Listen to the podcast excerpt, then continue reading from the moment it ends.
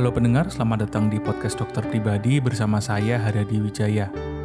Ketika berbicara soal gigi palsu, kita lebih sering mengkonotasikan dengan faktor estetika, di mana memang kita sering merasa aneh kalau melihat orang yang ompong giginya. Oleh sebab itu, sudah sejak lama masyarakat kita mempercayakan tukang gigi sebagai solusi pembuatan gigi palsu. Bersama dokter gigi Albertus Freddy dari Rumah Sakit Panti Wiloso Semarang, kami berbincang mengenai manfaat dan prosedur pembuatan gigi palsu ini. Apakah benar pemakaian gigi palsu hanya untuk faktor estetika? Kemudian, apa sih bedanya gigi palsu buatan tukang gigi dengan buatan dokter gigi? Mari simak perbincangan kami.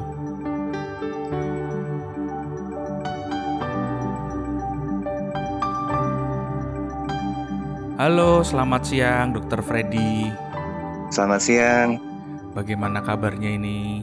Baik, baik. Baik Gimana ya. ada yang bisa dibantu? Nah, sesi Mhm. kali ini kita tuh punya pertanyaan, pengen ngobrol lah tentang gigi palsu sebenarnya. Aha. Karena eh, dari obrolan sih, ini dari obrolan dengan teman-teman juga, teman-teman pendengar yang selama ini itu eh, Mhm. ngertinya gigi palsu itu hubungannya murni dengan estetika. Nah, kita tuh jadi Hmm. penasaran bener nggak sih sebenarnya apakah memang murni estetika atau ada alasan apa, alasan lain di balik itu gitu. Hmm.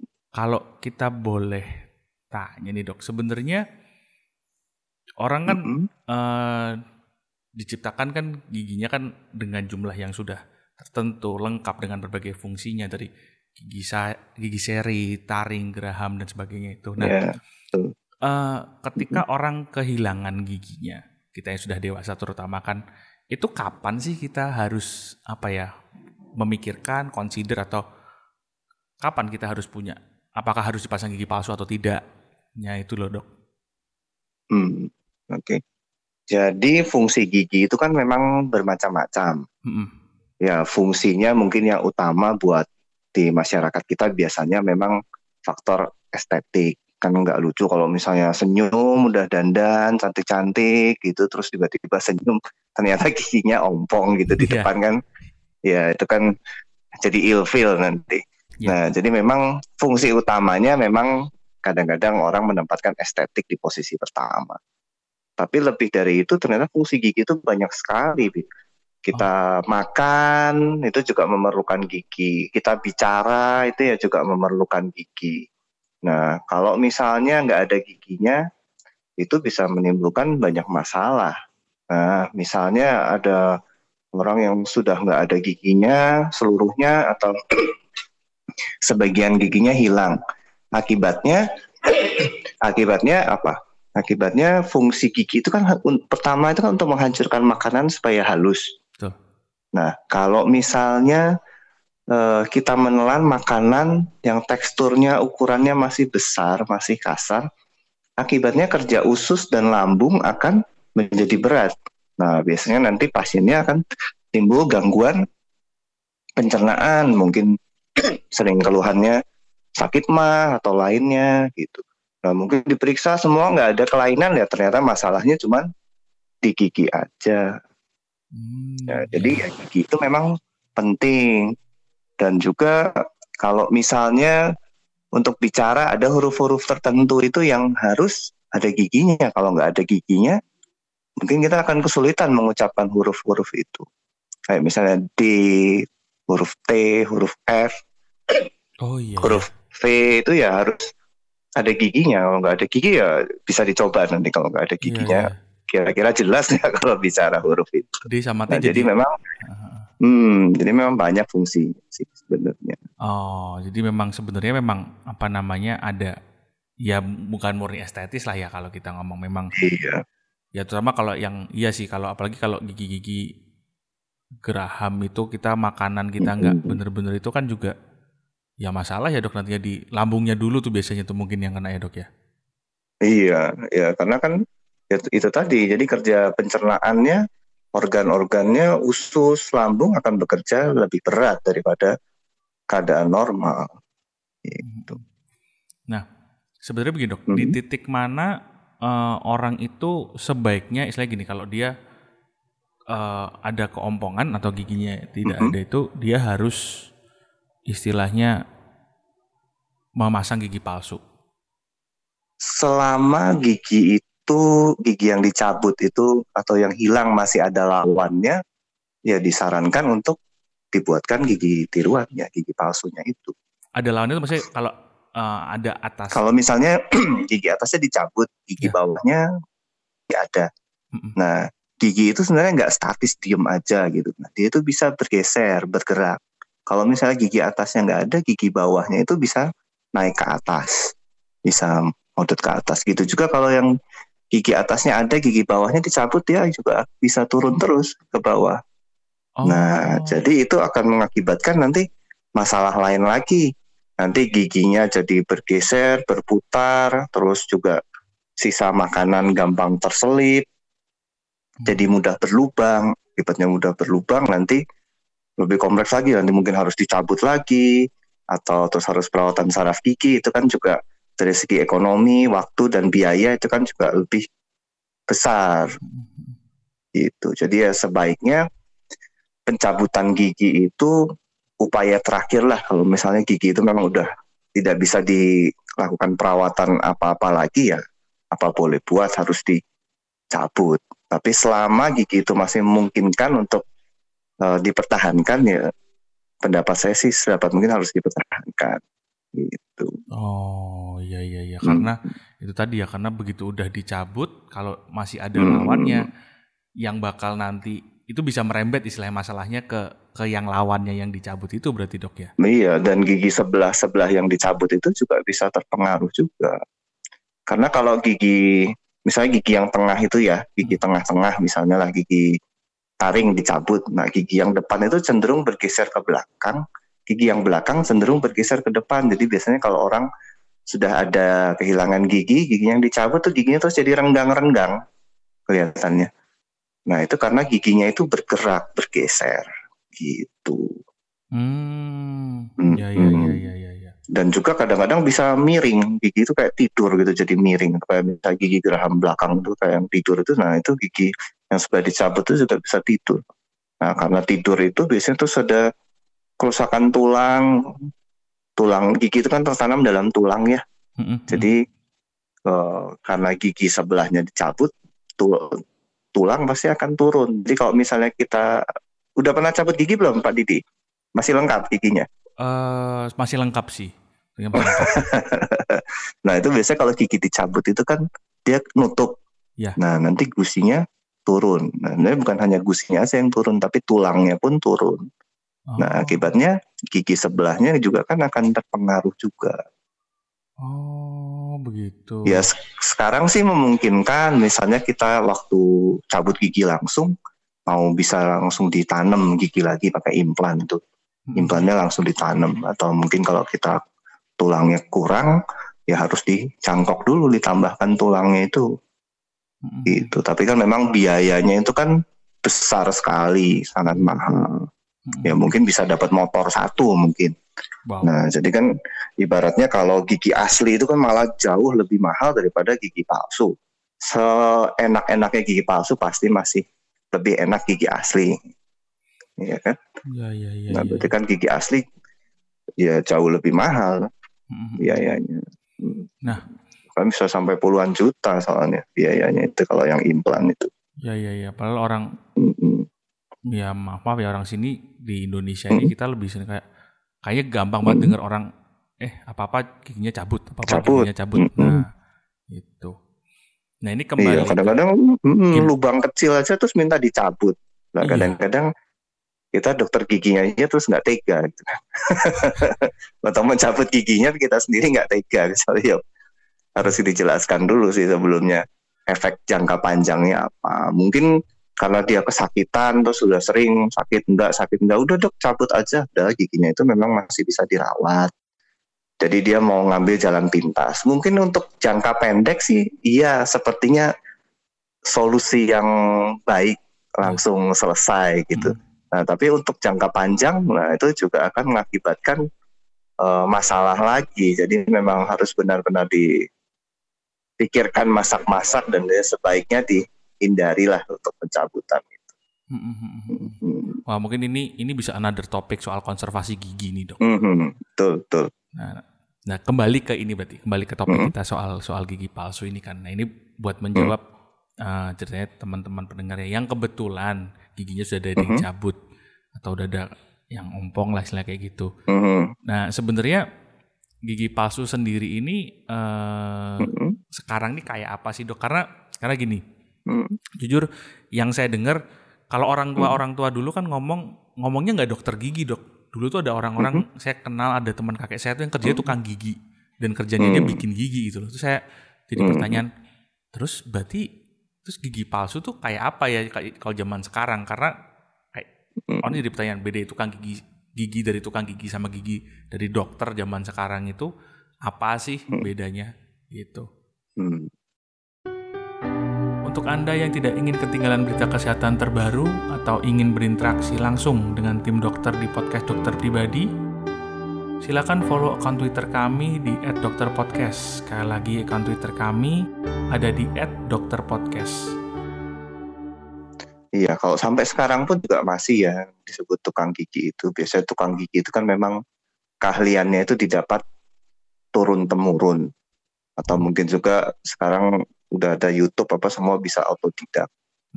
Nah, kalau ditanya apakah mereka bisa buat gigi palsu? Ya bisa. Tapi apakah mereka belajar mendalami mengenai efeknya apa sih gigi palsu itu dalam mulut terhadap gigi, gigi yang masih ada sebelah-sebelahnya itu, terhadap gusi, terhadap kesehatan secara keseluruhan itu kan mereka tidak mendalami sampai di situ. Jadi kalau misalnya ditanya mereka bisa buat gigi palsu? Ya bisa. Tapi apakah gigi yang palsu yang baik dan bisa uh, berfungsi dengan normal? Nah itu yang perlu dipertanyakan. Biasanya pasien-pasien itu ragu kalau mau ke dokter gigi itu karena takut biayanya mahal. Hmm. oh akhirnya udahlah ke tukang gigi aja murah. Hmm. saya beberapa kali dapat pasien seperti itu. Iya dok, saya awalnya buat di tukang gigi karena kalau dokter gigi kan pasti mahal. Lah ternyata setelah konsultasi inilah harga saya malah lebih murah daripada tukang gigi. Nah itu kadang-kadang memang yang sudah tertanam di masyarakat itu dokter gigi itu mahal. Nah, jadi mereka biasanya lebih memilih ke tukang gigi. Bahkan tukang gigi kan sekarang juga ada yang keliling loh ke hmm. rumah-rumah itu door to door. Hmm. Dan biasanya mereka itu membuat giginya itu langsung ditempel ke dalam mulut. Nah, oh. misalnya kan mereka maunya kan gigi palsu yang nggak dilepas-lepas. Uh-huh. Nah, tapi giginya udah udah banyak tuh yang rusak. Misalnya udah ada sisa akar, uh-huh. akarnya busuk gitu. Nah, mereka nggak mau cabut ya udah tukang giginya langsung dibuatin, langsung direkatkan ke dalam mulutnya itu bisa pakai akrilik atau di semen. oh. Nah, biasanya nanti beberapa bulan kemudian pasiennya datang ke dokter gigi itu dengan keluhan sakit semua dalam mulutnya itu. Akhirnya harus kita bongkar itu karena dalamnya itu ya bisa dibayangkan karena kan sisa makanan yang kecil-kecil itu kan pasti masuk ke dalam oh, situ. Oh. Sisa makanan masuk, bakteri kan juga tumbuh di situ, jamur juga. Nah, belum sisa-sisa makanan yang busuk udah bisa dibayangkan itu baunya juga kayak apa. Iya, iya, Terus iya. juga dalam mulutnya itu pasti gusinya udah rusak ya. Mm-hmm. Mm-hmm. Gitu. Gitu. Ibaratnya kita pakai kaos kaki terus-terusan kan juga kulitnya kan yeah. berubah. Oh. Nah itu itu juga sama sebenarnya kalau kita pakai gigi tiruan yang lepasan itu hmm. harus dilepas. Kalau malam itu dilepas. Hmm. Gitu. Jadi supaya jaringannya itu istirahat, supaya kita juga bisa bersihkan karena kalau ter ditekan terus-terusan kan kayak gigi pasang kan ketekan. Hmm. Nah, itu akan mengakibatkan kerusakan di jaringan mulutnya itu. Oh. Karena kan jaringan mulut kan lunak sekali tuh. Hmm. Kita tekan kan lunak. Nah, itu kalau tekan terus-terusan dia lama-lama rusak. Hmm. Gitu. Nah, kalau gitu, Dok, itu nak mm-hmm. memang kan sekarang yang saya tahu ya, mm-hmm. kayak gigi palsu ya gigi palsu yang lepas-lepasan itu yang kita tahu kan kebanyakan yang lepas-lepasan itu dok. Yang memang hmm. memang itu. Tapi sekarang kan juga ada yang model hmm. implan tadi dokter sempat bahas itu. Iya betul. Itu hmm. bedanya apa dok? Maksudnya dan satu bedanya apa? Kedua eh, mana yang lebih baik untuk istilahnya kalau case kebanyakan orang misalnya dia udah udah lama dicabut nih ada ada yang ompong gitu kan. Nah itu mm -hmm. sebenarnya kapan sih kita harus pakai yang uh, ditanam? Tadi di implan itu sama yang mm. yang seperti kita kenal sekarang yang bisa dicopot-copot itu? Oke, nah itu juga perlu dilihat dari segi ekonominya juga. Hmm. Kalau implan itu kan bisa dibuat cekat, cekat itu maksudnya kan nggak dilepas-lepas. Hmm. Jadi misalnya satu gigi hilang, kita cuma bisa uh, cuma bisa langsung mengganti satu gigi itu aja tanpa mengganggu gigi-gigi lainnya. Ini kalau misalnya kita bicara satu gigi hilang ya, hmm. satu gigi hilang itu mungkin uh, perawatannya bisa dengan implan itu. kita nggak usah merusak gigi sebelahnya. Kemudian kalau gigi cuma hilang satu lagi, kita juga bisa buatkan namanya mahkota jembatan. Tapi mahkota jembatan itu sama seperti jembatan, harus ada pegangan di depan dan di belakangnya. Nah, berarti kita harus mengasah gigi-gigi depan dan belakangnya itu untuk pegangan jembatan tadi. Nah, kekurangannya kan kalau gigi itu masih bagus kita asah kan hmm. sayang berarti kan kita merusak gigi yang masih bagus tadi karena kalau emal gigi itu kita asah nah itu kan udah nggak akan kembali lagi nah, karena jangka panjangnya juga kalau dibuat mahkota jembatan itu biasanya terus bocor hmm. nah bocor terus biasanya terus ada lubang di gigi pegangan itu kan terus rusak lagi kan sayang sebenarnya hmm. jadi pilihan idealnya itu implan. Kemudian ya bisa juga dibuat lepasan juga bisa. Tapi kalau lepasan kan mungkin uh, ada orang yang gampang mual, sensitif. Nah kalau lepasan itu kan ada platnya. Hmm. Biasanya mereka oh, karena ada platnya itu terus kok jadi gampang mual ya dok gitu. Nah atau juga biasanya kalau misalnya gigi palsu lepasannya itu uh, goyang-goyang Nah, akibatnya nanti gigi pegangannya juga terus juga bisa lepas juga. Hmm. Gitu. Jadi memang iya sedapat mungkin tadi sih. Kalau bisa jangan dicabut ya jangan dicabut kan karena ternyata banyak juga ya. faktor-faktor yang berpengaruh. Untuk gitu. menggantikan Tapi ya ini ya, juga nentuin pilihannya nggak hmm, gampang ternyata ya. Iya. Seandainya gigi itu sudah sisa akar pun kalau tulangnya masih bagus, akarnya masih panjang, nah kita bisa perawatan saraf gigi. Mungkin nanti dibahas untuk perawatan saraf gigi hmm. di bagian konservasi. Nah itu juga kita bisa buatkan namanya mahkota pasak. Jadi yang nggak selalu juga harus dicabut walaupun udah sisa akar itu. Hmm, ya, tetap gitu. kita harus lihat gimana kondisinya. Itu. Iya iya iya iya. Ya. Berarti sebenarnya balik lagi. Uh, hmm. Pencabutan gigi itu harusnya adalah jadi alternatif paling terakhir hmm Karena Betul. memang istilahnya ternyata untuk menangani masalah setelah itu aja buat milih gigi palsu ini saya baru tahu nih buat buat milih gigi palsu mm-hmm. yang pas buat tangani masalahnya pilihannya banyak juga ternyata kan. Iya. Nah, nah itu kan juga harus dilihat keadaannya. Nah itu cuman baru kehilangan istilahnya satu dua, belum kalau kehilangan yang banyak giginya. Oh. Kehilangan banyak gigi berarti terus kalau misalnya orang yang udah tua gitu kan dia tulangnya kan tadi gusinya kan turun tadi yang hmm. saya cerita itu. Yeah. Nah, biasanya untuk diimplan langsung pun nggak bisa, harus dicangkok dulu tulangnya, ditambah dulu. Itu kan juga biayanya nambah lagi. Gitu. Kalau gigi palsu gitu tuh sebenarnya bertahan seumur hidup nggak sih dok? Maksudnya orang bikin apakah harus di mm -hmm. di update atau di di hmm sesuaikan dengan keadaan atau uh, sekali kita bikin ya karena orang dewasa kan udah gigi kan udah nggak nggak nambah-nambah lagi nggak ngurang-ngurang lagi nih harusnya nih. Uh, nah, itu harusnya iya. Gimana? Iya, kalau kita bicara gigi palsu, gigi asli yang buatan Tuhan aja ternyata nggak bertahan seumur hidup ya. Hmm, hmm. Apalagi gigi palsu yang buatan manusia ya, mesti memang harus uh, kita lihat case by case sih. Kalau misalnya tadi dibuat jembatan atau dibuat crown, biasanya itu harapannya itu ya 10 tahun itu harus kita lihat lagi 5 sampai 10 tahun. Apakah ada kebocoran atau tidak. Dan lebih baik sih kalau sudah masa penggunaannya 5 10 tahun ya lebih baik diganti lagi dengan yang baru. Karena kan gusi itu kan dia menyusut. Kalau misalnya menyusut nanti banyak sisa makanan yang bisa terselip di situ akibatnya ya giginya bisa berlubang terus bocor nanti lepas juga. Kemudian untuk gigi palsu lepasan, kalau giginya sudah dicabut yang tadi saya bilang itu kan gusinya turun. Hmm. Nah itu namanya ada proses relining lagi untuk kita melapisi dasar gigi palsunya supaya gigi palsu itu tetap fit, tetap menempel dengan gusi, jaringan gusi di bawahnya. Karena kalau enggak nanti gigi palsunya akan bergoyang. Nah, kalau bergoyang itu gigi pegangannya bisa terungkit kan goyang-goyang terus lama-lama dia lepas giginya. Hmm. Nah, biasanya kalau di Indonesia itu memang menganggap kalau buat gigi palsu itu udah untuk sumur hidup sih nggak perlu kontrol lagi, tapi itu sebenarnya bukan seperti itu. Memang harus kontrol rutin ya enam bulan sekali lah, tetap perlu diperlukan kontrol rutin dilihat kalau memang sudah perlu di reline tadi dirapisi lagi ya harus dilapisi lagi gitu.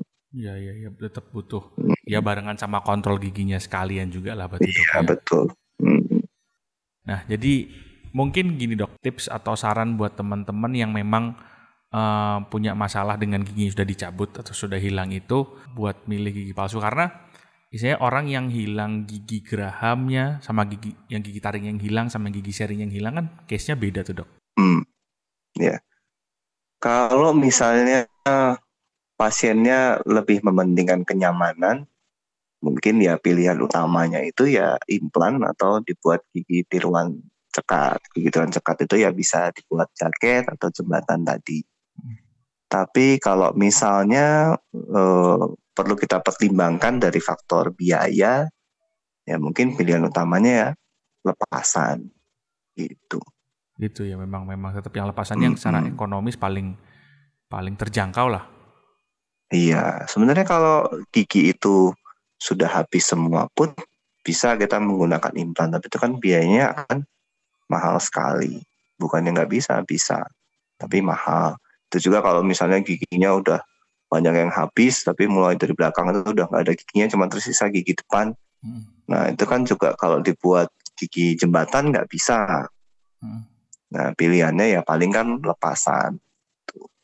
jadi ya tadi sih berarti faktor kenyamanannya faktor ekonomi dan keadaan dalam mulutnya itu yang hilang itu sebanyak apa giginya gitu Oke, ya. mungkin kira-kira begitu, ya. Dokter Freddy. Terima kasih ya. sekali buat waktu. Ya, terima kasih, sama-sama. Semoga bisa memberikan informasi yang berguna lah buat pendengar kita. iya. Semoga Sip. semakin sehat. Oke, terima kasih Dokter Freddy. Sampai ya. ketemu lagi. Ya, sama-sama. Ingin bertanya lebih lanjut mengenai topik sesi ini, atau ingin mengusulkan topik-topik kesehatan untuk kami bahas dengan ahlinya? Jangan lupa follow dan DM melalui akun Instagram kami di @dokter.pribadi.official. Sekali lagi, akun Instagram kami ada di @dokterpribadi.official.